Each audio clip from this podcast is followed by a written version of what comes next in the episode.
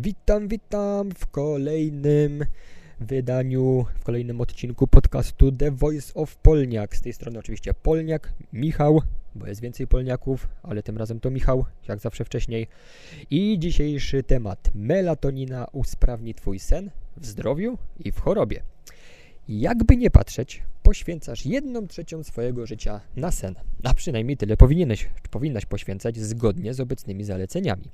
Żeby cię trochę postraszyć, stały deficyt snu powoduje zwiększone ryzyko przedwczesnej śmierci.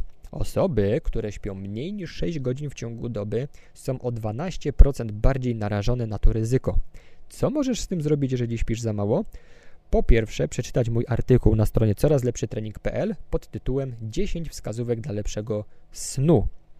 Tam znajdziesz dużo użytecznych wskazówek. Przy okazji dowiesz się sporo, fizjologii, o, sporo o fizjologii snu. Możesz też spróbować suplementacji melatoniną, która jest zresztą jedną ze wskazówek. Wiemy, że melatonina skraca czas potrzebny do zaśnięcia oraz poprawia jakość snu u zdrowych osób. Jednak co w przypadku, gdy Twój niedobór snu jest spowodowany jakąś chorobą? Dotychczasowe metaanalizy pokazały, że i w takim przypadku melatonina jest skuteczna. Problem jednak z nimi jest taki, że efekt był mały, ilość badań wchodzących do analiz też taka sobie i ilość uczestników w tych badaniach. Fatemech i wspólnicy postanowili uzupełnić tę lukę i wykonać kolejny przegląd dostępnych badań. Do ich analizy weszły finalnie 23 badania. Ilość uczestników łącznie to 1965 osób. Metody. Czas trwania badań wynosił od 2 do 24 tygodni. Suplementacja była na poziomie od 2 do 10 mg na dobę, a jakość snu oceniano za pomocą testu PSQI. Jest to subiektywna ocena składająca się z 24 pytań, na którą badani odpowiadali sami. Jakbyś chciał, chciała sobie wypełnić kwestionariusz PSQI, możesz go sobie pobrać ze strony. Ja link do niej dam w opisie podcastu. Im, pamiętaj tylko, że im niższy wynik uzyskasz, tym lepszy jest Twój sen. Wnioski. Suplementacja melatoniną poprawiła wynik testu średnio o minus 1,2 punktów. Przypominam, że w tym przypadku im niższy wynik, tym lepiej. No i interpretacja. Niby fajnie, ale sam autor kwestionariusza PSQI uważa zmianę o co najmniej 3 punkty za istotną klinicznie. Dlaczego? Pamiętaj, że PSQI to ocena subiektywna. Zmiana na poziomie jednego punktu mogła nawet wyniknąć z innych odczuć danego dnia u osoby, która wypełniała ten test.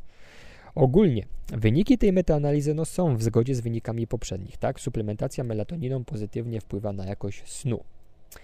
Gdy wejdziemy głębiej w wyniki, możesz zobaczyć, że melatonina najbardziej pomogła osobom z chorobami układu oddechowego oraz chorobami metabolicznymi. Te już się bardziej zbliżyły do tej istotnie klinicznej wartości.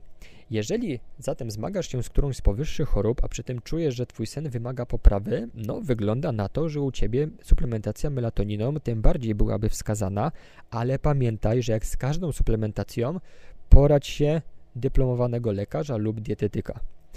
Suplementację zaleca się zacząć od dawki równej 0,5 mg, a jeżeli nie odczuwasz różnicy, możesz ją powoli zwiększać do poziomu 3-5 mg na pół godziny przed snem. I na szczęście okazało się, że suplementacja melatoniną nawet przez ponad miesiąc, dzień w dzień, nie skutkowała obniżeniem jej endogennej produkcji, czyli produkcji przez Twój organizm. Także bardzo spoko. Zatem wygląda na to, że nie musisz robić jakiejś tam, nie wiem, cyklicznej suplementacji melatoniną, tylko możesz ją suplementować stale i nie zaburzy to Twojego własnego jej wydzielania. Ok, to tyle na dzisiaj. Bardzo Ci dziękuję za kilka minut Twojej uwagi. Mam nadzieję, że coś fajnego z tego odcinka dla siebie wyniosłeś, wyniosłaś. Pamiętaj, żeby powiedzieć chociaż jednej osobie o tym podcaście.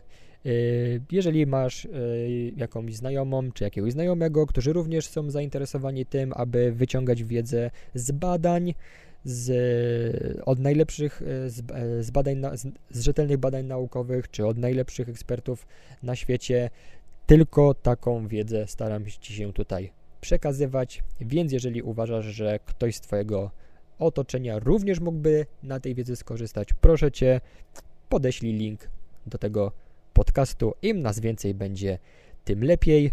Tym też ten podcast będzie wyżej notowany organicznie, będzie wyżej ustawiany w wyszukiwaniach i tym więcej osób się o tym dowie, co oznacza, że rzetelna naukowa wiedza będzie się szerzyć coraz bardziej, a nie wiedza szamańska. Zatem dzięki Ci wielkie jeszcze raz i do usłyszenia w kolejnym odcinku. Trzymaj się, cześć!